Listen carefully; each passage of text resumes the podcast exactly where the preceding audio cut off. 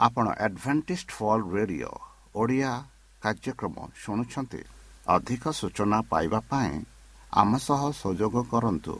ଏକ ଆଠ ଶୂନ ଶୂନ ଆଠ ତିନି ତିନି ଦୁଇ ଦୁଇ ତିନି ଏକ କିମ୍ବା Bible at the rate of A W R dot O R G ଏହା Adventist world radio voice of hope ଜୀବନଧାରା।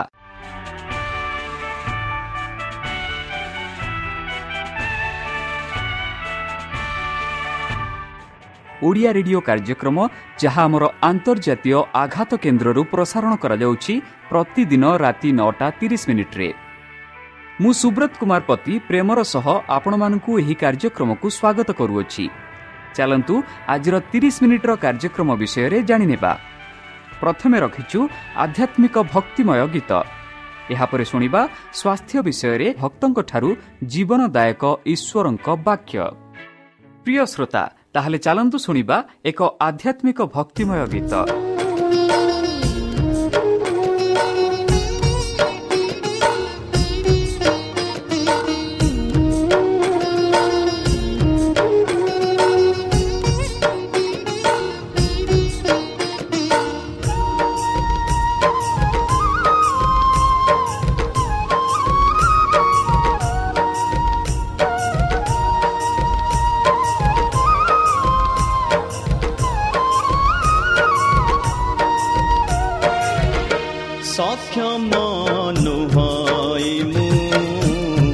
বাকৰিবাৰে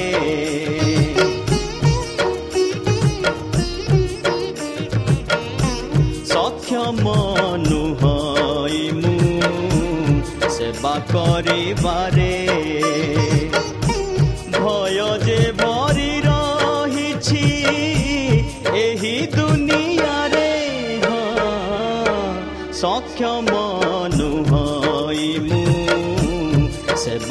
ସେବା କରିବାରେ ସକ୍ଷମ ନୁହଇ ମୁଁ ସେବା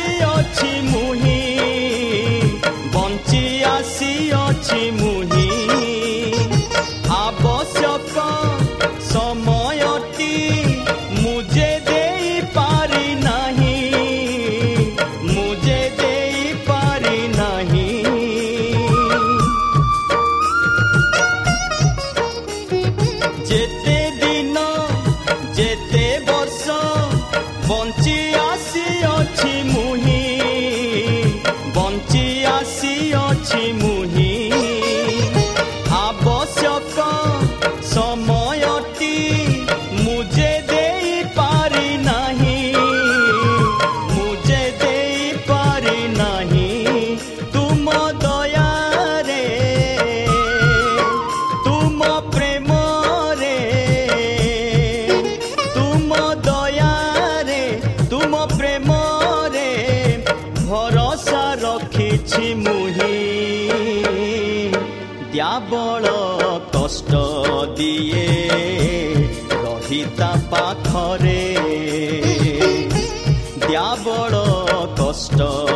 ଦିଏ ରହିତା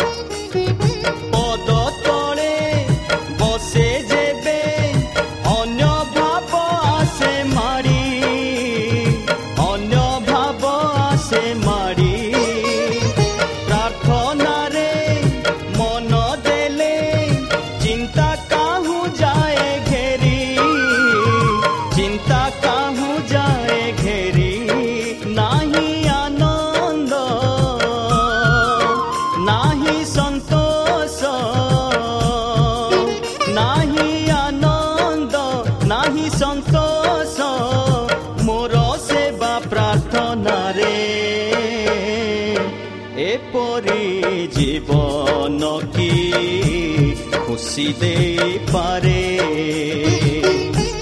ଏପରି ଜୀବନ କି ଖୁସି ଦେଇପାରେ ଭୟ ଯେ ଭରି ରହିଛି ଏହି ଦୁନିଆରେ ହଁ ସକ୍ଷମ ନୁହଇ ମୁଁ ସେବା କରିବାରେ ସକ୍ଷମ ନୁହଇ ମୁଁ ସେବା କରିବାରେ ଆମ ଠିକଣା Adventist Media Centre SDA Mission Compound Salisbury Park Pune ଚାରି ଏକ ଏକ ଶୂନ ତିନି ସାତ ମହାରାଷ୍ଟ୍ର ବା ଖୋଲନ୍ତୁ ଆମର ୱେବସାଇଟ୍ ଯେକୌଣସି Android phone smartphone desktop laptop କିମ୍ବା ଟ୍ୟାବ୍ଲେଟ୍ ଆମର website W W W dot A W R dot O R G slash O R I ବର୍ତ୍ତମାନ ଚାଲନ୍ତୁ ଶୁଣିବା ଈଶ୍ୱରଙ୍କ ଭକ୍ତଙ୍କଠାରୁ ଈଶ୍ୱରଙ୍କ ଜୀବନଦାୟକ ବାକ୍ୟ। ମୃତ୍ୟୁମାନେ ପ୍ରକୃତରେ ମୃତ୍ୟୁ କି? ଭାଗ ଏକ। ନମସ୍କାର ପ୍ରିୟ ଶ୍ରୋତା। ସେହି ସର୍ବଶକ୍ତି ସର୍ବଜ୍ଞାନୀ ପ୍ରେମର ସାଗର ଦୟାମୟ ଅନ୍ତର୍ଜମୀ ଅନୁଗ୍ରହ ପରମ ପିତାଙ୍କ ମଧୁର ନାମରେ ମୁଁ ପାଷ୍ଟ ପୂର୍ଣ୍ଣ ଚନ୍ଦ୍ର ଆଉ ଥରେ ଆପଣମାନଙ୍କୁ ଏହି କାର୍ଯ୍ୟକ୍ରମରେ ସ୍ୱାଗତ କରୁଅଛି। ସେହି ସର୍ବଶକ୍ତି ପରମେଶ୍ୱର ଆପଣମାନଙ୍କୁ ଆଶୀର୍ବାଦ କରନ୍ତୁ। ଆପଣଙ୍କୁ ସମସ୍ତ ପ୍ରକାର ଦୁଃଖ କଷ୍ଟ ବାଧା କ୍ଲେଶ ଓ ରୋଗରୁ ଦୂରେଇ ରଖନ୍ତୁ। ଶତ୍ରୁ ସୟତାନ ହସ୍ତରୁ ସେ ଆପଣଙ୍କୁ ସୁରକ୍ଷାରେ ରଖନ୍ତୁ। ତାହାଙ୍କ ପ୍ରେମ ତାହାଙ୍କ ସ୍ନେହ ତାହାଙ୍କ କୃପା ତାହାଙ୍କ ଅନୁଗ୍ରହ ସଦାସର୍ବଦା ଆପଣଙ୍କଠାରେ ସହବର୍ତ୍ତୀ ରହ। ପ୍ରିୟ ଶ୍ରୋତା ଚାଲନ୍ତୁ। ଆଜି ଆମ୍ଭେମାନେ କିଛି ସମୟ ପବିତ୍ର ଶାସ୍ତ୍ର ବାଇବଲଠୁ ତାହାଙ୍କ ଜୀବନଦାୟକ ବାକ୍ୟ ଧ୍ୟାନ କରିବା। ଆଜିର ଆଲୋଚନା ହେଉଛି ମୃତ୍ୟୁମାନେ ପ୍ରକୃତରେ ମୃତ୍ୟୁ କି ଭାଗ ଏକ। ବନ୍ଧୁ ଆମେ ସମସ୍ତେ ଏହି ପୃଥିବୀରେ ଜନ୍ମ ନେଇଅଛୁ ବାସ କରୁଅଛୁ। ଆଉ ଆମ ଜୀବନରେ ଅନେକ ମରଣ ସମ୍ମୁଖୀନ ହୋଇଥିବ। ହୋଇପାରେ ଆମ ପରିବାରରେ କେହି ମରିଯାଇଛନ୍ତି। ହୋଇପାରେ ଆମ ସମାଜରେ ମରଣ ଘଟିଅଛି। ହୋଇପାରେ ଆମ ଦେଶରେ ମରଣ ଘଟିଅଛି। ଯେପରିକି ଉଣେଇଶହ ଅଠର ଦୁଇ ହଜାର ଉଣେଇଶ ମସିହାରେ କୋଡ଼ିଏ ଏକୋଇଶ ବାଇଶ ମସିହାରେ ସେ ଯେଉଁ କୋଭିଡ଼ ମହାମାରୀ ସମୟରେ ହୋଇଥିବ ଆପଣମାନେ ଅନେକ ମରଣକୁ ସାକ୍ଷାତ କରିଥିବେ। ଆଉ ସେ ମରଣ ସମୟରେ ଆପଣମାନଙ୍କ ମନରେ ଅନେକ ଦ୍ୱନ୍ଦ୍ୱ ଅନେକ ପ୍ରଶ୍ନ ଉଠିଥାଏ। ତାହେଲେ ଚାଲନ୍ତୁ ଏଇ ଯେଉଁ ମୃତ୍ୟୁ କ'ଣ ପ୍ରକୃତିରେ ମୃତ୍ୟୁ କି ତାହା ବିଷୟରେ ଆଜି ଆମେ ଆଲୋଚନା କରିବା। ବନ୍ଧୁ ମୃତ୍ୟୁ ଆଜି ସବୁଠାରୁ ଭୁଲ ବୁଝାମଣା ବିଷୟ ହୋଇପାରେ। ଅନେକଙ୍କ ମୃତ୍ୟୁ ପାଇଁ ରହସ୍ୟରେ ଆଚ୍ଛାଦିତ ହୋଇ ଭୟ ଅନିଶ୍ଚିତତା ଏବଂ ନିରାଶକୁ ଜାଗ୍ରତ କରେ। ଅନ୍ୟମାନେ ବିଶ୍ୱାସ କରନ୍ତି ଯେ ସେମାନଙ୍କର ମୃତ୍ୟୁ ପ୍ରିୟଜନମାନଙ୍କ ଆଦ୍ୟ ମୃତ୍ୟୁ ନାହାନ୍ତି ବୋଲି ବରଂ ସେମାନଙ୍କ ସହିତ କିମ୍ବା ଅନ୍ୟାନ୍ୟ କ୍ଷେତ୍ରରେ ରହୁଛନ୍ତି ବୋଲି ଏହିପରି ବିଶ୍ୱାସ କରନ୍ତି। ଶରୀର ଆତ୍ମା ଏବଂ ଆତ୍ମା ମଧ୍ୟରେ ଥିବା ସମ୍ପର୍କକୁ ନେଇ ଲକ୍ଷ ଲକ୍ଷ ଲୋକ ଦ୍ୱନ୍ଦ୍ୱରେ ରହିଅଛନ୍ତି। କିନ୍ତୁ ତୁମେ ଯାହା ବିଶ୍ୱାସ କରୁଛ ତାହା ପ୍ରକୃତରେ ଗୁରୁତ୍ୱପୂର୍ଣ୍ଣ କି? ହଁ ସମ୍ପୂର୍ଣ୍ଣ। ମୃତ୍ୟୁମାନଙ୍କ ବିଷୟରେ ତୁମେ ଯାହା ବିଶ୍ୱାସ କର ନିକଟ ଭବିଷ୍ୟତରେ ତୁମର କ'ଣ ହେବ ତାହା ଉପରେ ଗଭୀର ପ୍ରଭାବ ପଡ଼ିଥାଏ। ଅନୁମାନ କରିବାର ସ୍ଥାନ ନାହିଁ। ଏହି ବିଷୟ ଉପରେ ଈଶ୍ୱର ଯାହା କୁହନ୍ତି ତାହା ଏହି ବିଷୟରେ ଆଜି ଆମେ ପ୍ରକୃତ ଭାବେ ଆଲୋଚନା କରିବା। ତାହେଲେ ମନୁଷ୍ୟମାନେ ଏଠାରେ କିପରି ପହଞ୍ଚିଲେ? ଏହିପରି ପ୍ରଶ୍ନ ଯଦି ଆମେ ପଚାରିବା ଆମେ ମୃତ୍ୟୁ ମୃତ୍ୟୁ ବିଷୟରେ ଯେବେ ଆଲୋଚନା କରୁଛୁ ତାହେଲେ କିଏ ମୃତ୍ୟୁ ହୁଅନ୍ତି? ମନୁଷ୍ୟ ପଶୁ ମାନେ ଯେଉଁମାନଙ୍କଠାରେ ଜୀବନ ଅଛି ସେମାନେ ମୃତ୍ୟୁବରଣ କରନ୍ତି। ମନୁଷ୍ୟ ପଶୁ ପକ୍ଷୀ ମାଛ ସମସ୍ତଙ୍କର ଜୀବନ ଅଛି। ସେମାନେ ମୃତ୍ୟୁବରଣ କରନ୍ତି। ବିଶେଷ ଭାବରେ ମଣିଷ ବିଷୟରେ ଆମେ ଆଲୋଚନା କରୁଛୁ। ତାହେଲେ ମଣିଷମାନେ ଏଠାରେ କିପରି ପହଞ୍ଚିଲେ? ଏହା ଏକ ମହାତ୍ମା ପ୍ରଶ୍ନ। ଯେବେ ମଣିଷମାନେ ମୃତ୍ୟୁ ହେଉଛନ୍ତି ହେଲେ ମଣିଷମାନେ କିପରି ଏହି ପୃଥିବୀକୁ ପହଞ୍ଚିଲେ? ତାହା ଜାଣିବାର ଆବଶ୍ୟକ ଜରୁରୀ। ଯେପରି ପବିତ୍ର ଶାସ୍ତ୍ର ବାଇବଲ ଆଦି ପୁସ୍ତକ ଦୁଇ ସାତରେ ଆମେ ଦେଖାଉଛୁ ପ୍ରଭୁ ଈଶ୍ୱର ପୃଥିବୀର ଧୂଳିରୁ ମଣିଷ ସୃଷ୍ଟି କଲେ ଏବଂ ତାଙ୍କ ନାକରୁ ଜୀବନ ନିଶ୍ୱାସ ପ୍ରଶ୍ୱାସ କଲେ ଏବଂ ମନୁଷ୍ୟ ଜୀବିତ ହେଲା। ବନ୍ଧୁ ଆପଣମାନେ ଯଦି ଦେଖିଥିବେ କୁମ୍ଭାର କୁମ୍ଭାର ଯେବେ ମାଠି ଯେବେ ହାଣ୍ଡି ଗଢ଼େ ସେ ମାଠିକୁ ନିଏ ଆଉ ମାଠିରେ ଯେତେ ଗୋଡ଼ି ପଥର ଅଛି ତାହାକୁ ବାହାର କରିଦିଏ ଆଉ ତାକୁ ଚିକନ କରେ। ଆଉ ଚିକନ କଲା ପରେ ସେ ଯେଉଁ ମାଠିକୁ ସେ ଚକ୍ର ଉପରେ ଥୋଇ ସେଇ ଯେଉଁ ମାଠିକୁ ଏକ ସୌନ୍ଦର୍ଯ୍ୟ ହାଣ୍ଡି ଗଢ଼େ। ଏଠି ଆମେ ଦେଖୁଅଛୁ ସଦାପ୍ରଭୁ ପରମେଶ୍ୱର ଯିଏକି ଏହି ପୃଥିବୀ ସୃଷ୍ଟି କଲେ ସେ ମଣିଷକୁ ଧୂଳିରୁ ମଣିଷ ସୃଷ୍ଟି କଲେ ବୋଲି। ମାନେ ଧୂଳିରୁ ମଣିଷକୁ ଯେପରି କୁମ୍ଭାର ମାଠିକୁ ନେଇ ସେ ମାଠିକୁ ପାଣିରେ ମିଶାଇ ଭଲ ଭାବରେ ଚିକନ କରେ ତାକୁ ଏକ ସୁନ୍ଦର ହାଣ୍ଡି କରେ ସେହିପରି ମଣିଷକୁ ଧୂଳିରୁ ନେଇ ସେ ଧୂଳିରୁ ନେଇ ସେ ଧୂଳିକୁ ସୁନ୍ଦର ଆକାର ଦେଲେ ସେ ମାଟିକୁ ସୁନ୍ଦର ଆକାର ଦେଲେ। ସେ ଆକାର କିପରି ଆକାର ଦେଲେ? ସେ ଆମେ ପବିତ୍ର ଶାସ୍ତ୍ର ବାଇବଲରେ ଦେଖୁଅଛୁ କି ସେ ଆପନା ଆକାର ଦେଲେ। ଆପନା ସଦୃଶ୍ୟରେ ସେ ସେଇ ଯେଉଁ ଧୂଳିକୁ ସେ ମାଟିକୁ ଆକାର ଦେଲେ। ଆଉ ସେ ଯେଉଁ ଦେଲା ପରେ ସେ ଆକାରଟା ଏକ ପୁତଲା ଥିଲା। ମାତ୍ର ସେଇ ପୁତଲାରେ ଯୀଶୁଖ୍ରୀଷ୍ଟ ପ୍ରଭୁ ଏହିପରି କଲେ କି ଆପନା ଜୀବନର ନିଶ୍ୱାସ ପ୍ରଶ୍ୱାସ କଲେ।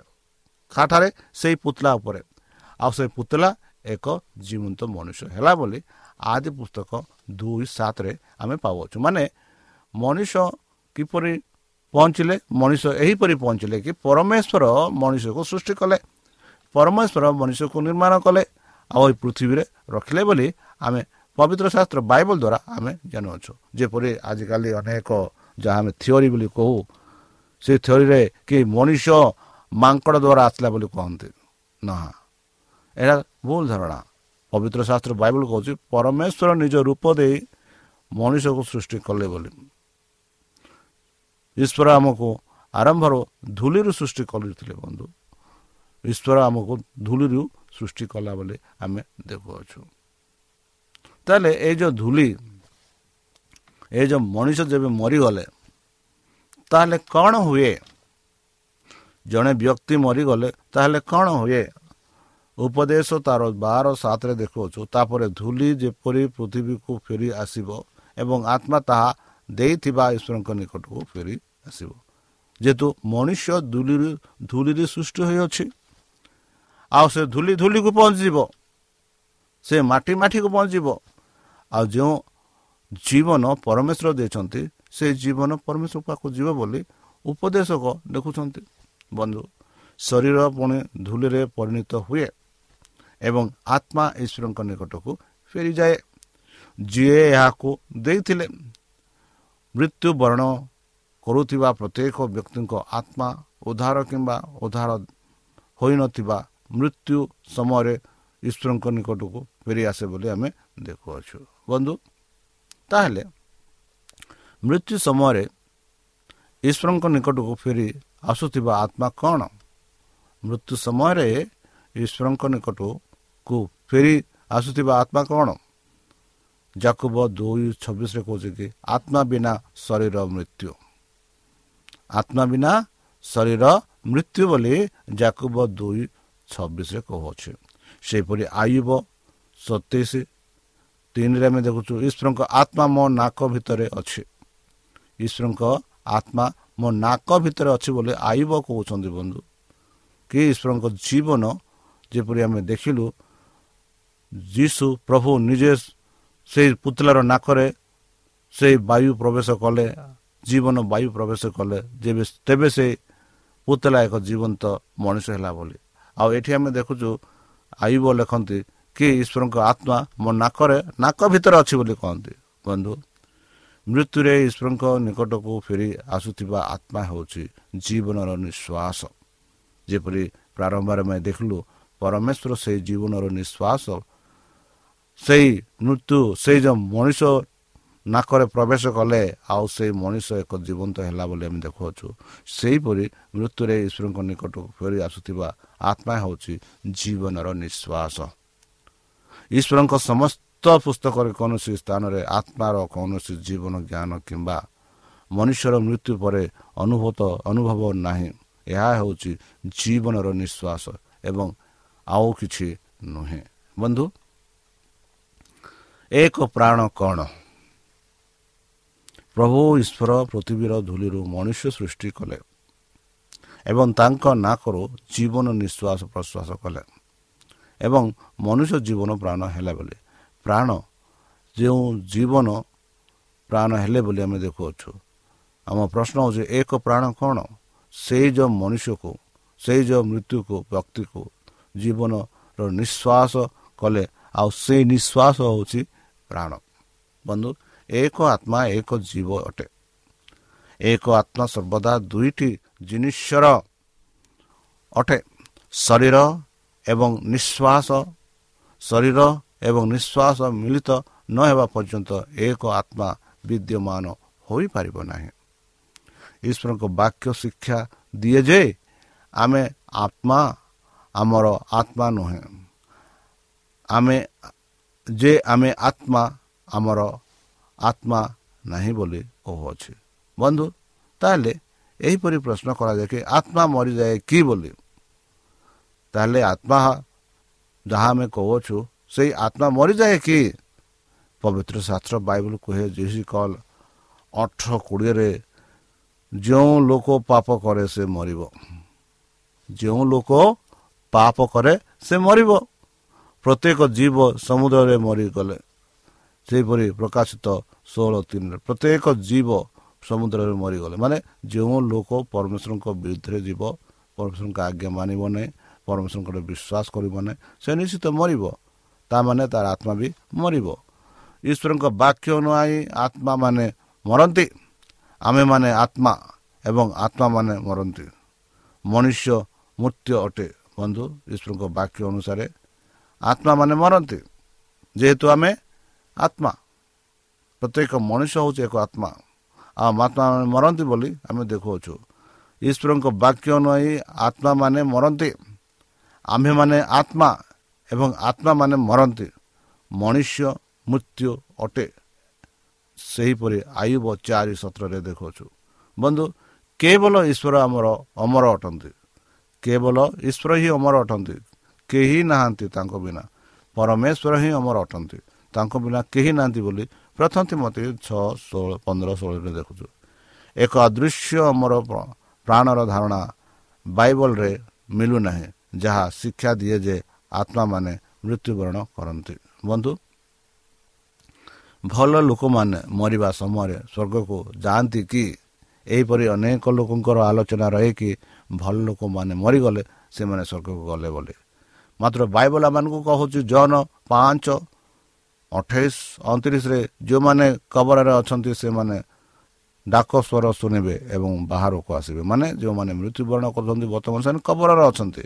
ସେମାନେ ସ୍ୱର୍ଗକୁ ଯାଇନାହାନ୍ତି ବାଇବଲ ଆମକୁ କହୁନି ଯେ ଯେତେ ଲୋକ ଧାର୍ମିକ ଲୋକମାନେ ମୃତ୍ୟୁବରଣ କରୁଛନ୍ତି ସେମାନେ ବର୍ତ୍ତମାନ ସ୍ୱର୍ଗରେ ଅଛନ୍ତି ବୋଲି।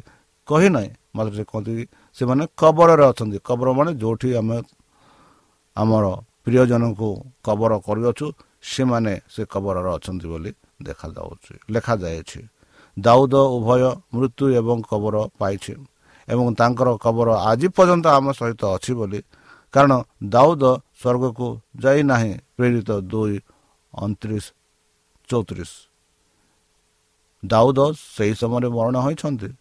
ଆଉ ବର୍ତ୍ତମାନ ସେ କବର ଅଛନ୍ତି। ସେ ସ୍ୱର୍ଗକୁ ଯାଇନାହାନ୍ତି ବୋଲି ପବିତ୍ର ଶାସ୍ତ୍ର ବାଇବଲ ଆମକୁ ଏକ ଉଦାହରଣ ସ୍ୱରୂପେ ପ୍ରମାଣ ସ୍ୱରୂପେ ଆମକୁ ଦେଉଛି। ମାନେ ମୃତ୍ୟୁମାନେ ମୃତ୍ୟୁ ଯେତେ ଲୋକ ମୃତ୍ୟୁ ହୋଇଛନ୍ତି ସେମାନେ ବର୍ତ୍ତମାନ କବରରେ ଅଛନ୍ତି।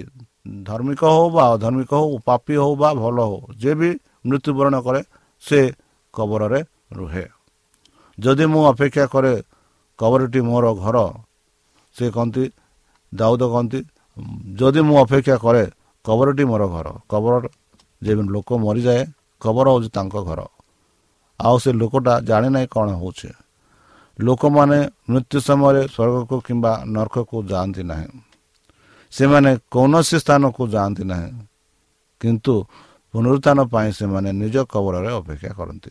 ବନ୍ଧୁ ସେମାନେ କୌଣସି ସ୍ୱର୍ଗରାଜ ଯିବେନି ବୋଲି ଆମେ ଦେଖୁଅଛୁ। ମାତ୍ର ସେମାନେ କେଉଁଠି ଥିବେ? ନିଜ କବରରେ ଥିବେ ଅପେକ୍ଷା କରୁଥିବେ। ଯେତେ ଯେତେବେଳେ ପରମେଶ୍ୱର ଆସିବେ ସେତେବେଳେ ତାଙ୍କଠୁ ମିଶି ସେମାନେ ସ୍ୱର୍ଗରାଜ ଯିବେ। ତାହେଲେ ମୃତ୍ୟୁ ପରେ ଜଣେ କେତେ ଜାଣେ କିମ୍ବା ବୁଝିପାରେ? ଏହିପରି ଯଦି ଲୋକ ମରିଯାଏ ମରଣ ପରେ ସେ କ'ଣ ଜାଣେ କ'ଣ ଜାଣେ ନାହିଁ ବୋଲି ଯଦି ଆମେ ପ୍ରଶ୍ନ ପଚାରିବା ବାଇବଲ ମାନଙ୍କୁ ସ୍ପଷ୍ଟ ରୂପେ କହୁଛୁ ଉପଦେଶ ନଅ ପାଞ୍ଚ ଛଅ ଦଶରେ ଜୀବନ୍ତ ମାନେ ଜାଣନ୍ତି ଯେ ସେମାନେ ମରିଲେ କିନ୍ତୁ ମୃତ୍ୟୁମାନେ କିଛି ଜାଣନ୍ତି ନାହିଁ ଏବଂ ସେମାନଙ୍କର ଆଉ ପୁରସ୍କାର ନାହିଁ କାରଣ ସେମାନଙ୍କ ସ୍ମୃତି ଭୁଲି ଯାଆନ୍ତି ସେମାନଙ୍କ ପ୍ରେମ ଘୃଣା ଏବଂ ଈର୍ଷା ବିନଷ୍ଟ ହୋଇଗଲା। ସୂର୍ଯ୍ୟ ତଳେ କୌଣସି କାର୍ଯ୍ୟରେ ସେମାନଙ୍କର ଅଂଶୀଦାର ରହିବ ନାହିଁ। ଆପଣ ଯେଉଁ କବରରୁ ଯାଉଛନ୍ତି ସେହି କବରରେ କୌଣସି କାର୍ଯ୍ୟ କିମ୍ବା ଉପକରଣ କିମ୍ବା ଜ୍ଞାନ କିମ୍ବା ଜ୍ଞାନ ନାହିଁ ବୋଲି ଉପଦେଶ ଆମମାନଙ୍କୁ ସ୍ପଷ୍ଟ ରୂପେ କହୁଛନ୍ତି। ବନ୍ଧୁ ଯେତେ ଲୋକ ବର୍ତ୍ତମାନ ବଞ୍ଚିଛନ୍ତି ସେମାନେ ଆଉ ଯେତେ ଲୋକ ବର୍ତ୍ତମାନ ଆମେ ବଞ୍ଚିଅଛୁ ଆମେ ଜାଣୁ ଯେ ଆମେ ଦିନେ ମୃତ୍ୟୁବରଣ କରିବା। ମାତ୍ର ଯେତେ ଲୋକ ଆମ ପୂର୍ବରୁ ମୃତ୍ୟୁବରଣ ହୋଇଛନ୍ତି ଆମ ସମ୍ମୁଖରେ ମୃତ୍ୟୁବରଣ ହୋଇଛନ୍ତି ସେମାନେ ଜାଣନ୍ତି ନାହିଁ ସେମାନେ ପ୍ରେମ ଜାଣନ୍ତି ନାହିଁ ସେମାନେ ଘୃଣା ଜାଣନ୍ତି ନାହିଁ ସେମାନେ ଇର୍ଷା କରିବା ଜାଣନ୍ତି ନାହିଁ। ସୂର୍ଯ୍ୟ ତଳେ କୌଣସି କାର୍ଯ୍ୟ ଯାହା ଘଟୁଅଛି ଏହି ପୃଥିବୀରେ ସେମାନେ କୌଣସି ପ୍ରକାର ଅଂଶୀଦାର ହେବେ ନାହିଁ ବୋଲି ପବିତ୍ର ଶାସ୍ତ୍ର ବାଇବଲ ଆମମାନଙ୍କୁ ସ୍ପଷ୍ଟ ରୂପରେ କହୁଅଛି। ତାହେଲେ ମୃତ୍ୟୁମାନେ କୌଣସି ଜାଣନ୍ତି ନାହିଁ। ସେହିପରି ଗୀତ ସଂଗୀତ ଏକଶହ ପନ୍ଦର ତାର ସତରରେ ଆମେ ଦେଖୁଛୁ। ମୃତ୍ୟୁମାନେ ପ୍ରଭୁଙ୍କର ପ୍ରଶଂସା କରନ୍ତି ନାହିଁ। ମୃତ୍ୟୁମାନେ କେବେ ହେଲେ ପ୍ରଭୁଙ୍କର ପ୍ରଶଂସା କରନ୍ତି ନାହିଁ ଯେହେତୁ ସେମାନେ ମୃତ୍ୟୁବରଣ ହୋଇଛନ୍ତି ସେମାନଙ୍କର ଜୀବ ନାହିଁ ସେ ମୃତ୍ୟୁର ମାଠିରେ ମିଶି ଯାଇଛନ୍ତି ସେମାନଙ୍କର ଜୀବ ନାହିଁ ସେ ଯୋଗୁଁ ମୃତ୍ୟୁମାନେ କେବେ ହେଲେ ପ୍ରଶଂସା କରନ୍ତି ନାହିଁ ବନ୍ଧୁ ଈଶ୍ୱର କୁହନ୍ତି ଯେ ମୃତ୍ୟୁମାନେ କିଛି ଜାଣନ୍ତି ନାହିଁ ବନ୍ଧୁ ତାହେଲେ ଚାଲନ୍ତୁ ଏଇ ଯେଉଁ ମୃତ୍ୟୁମାନଙ୍କର ଯେଉଁ ଅନ୍ଧବିଶ୍ୱାସ ଏବଂ ଠାରେ ଅଛି ସେ ଅନ୍ଧବିଶ୍ୱାସକୁ ଆମେ ଦୂର କରିବା। ସେ ଅନ୍ଧବିଶ୍ୱାସରୁ ଆମେ ଦୂର ରହିବା। ଆମେ ଏହି ବିଶ୍ୱାସରେ ଯିବା କି ମାଠିର ଶରୀର ମାଠିରେ ଲୀନ। ଯେଉଁ ଜୀବନ ପରମେଶ୍ୱର ଦେଇଥିଲେ ସେ ଜୀବନ ପରମେଶ୍ୱରକୁ ଯିବ। ଆଉ ଆତ୍ମା ଯାହା ଆମେ କହୁଛୁ ଶରୀର ସେ ଆତ୍ମା ମରିଗଲେ ସେଇ ଆତ୍ମା ବି ମରିଯିବ। ମଣିଷ ଯେବେ ମରିବ ଆତ୍ମା ବି ମରିବ ବୋଲି ଆମେ ଦେଖିଛୁ। ତାହେଲେ ଚାଲନ୍ତୁ ସେହି ପରମେଶ୍ୱରଙ୍କ ଠାରେ ବିଶ୍ୱାସ ରଖି ତାହାଙ୍କ ମଧୁର ନାମେ ଆମେ ପ୍ରାର୍ଥନା କରିବା।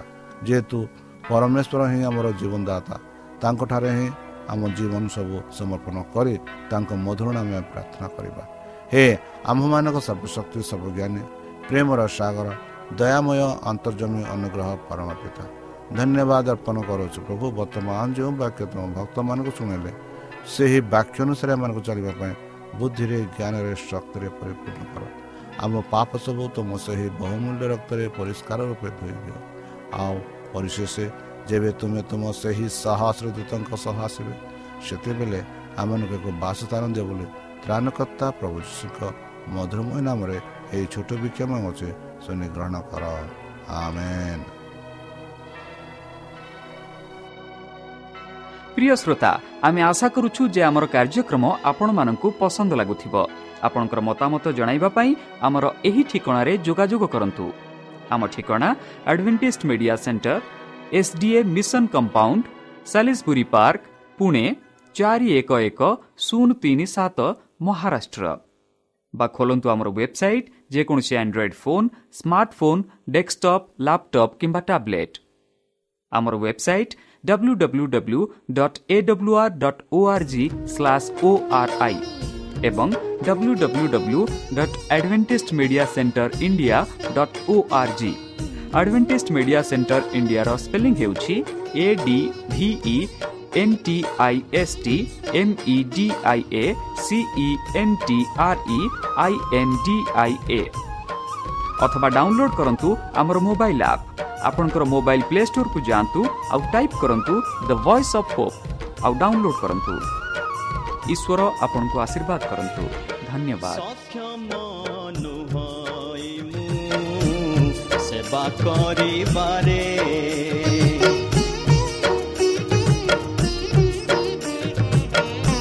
সক্ষম নুহই মু সেবা করিবারে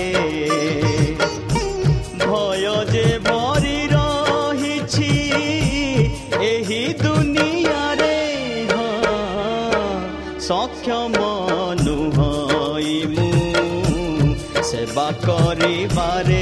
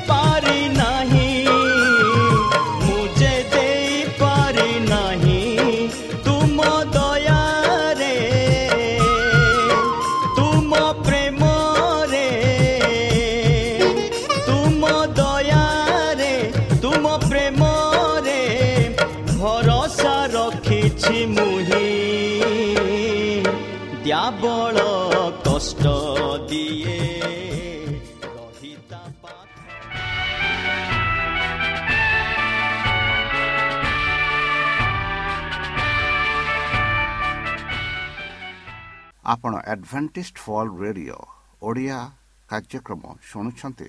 ଅଧିକ ସୂଚନା ପାଇବା ପାଇଁ ଆମ ସହ ସଂଯୋଗ କରନ୍ତୁ।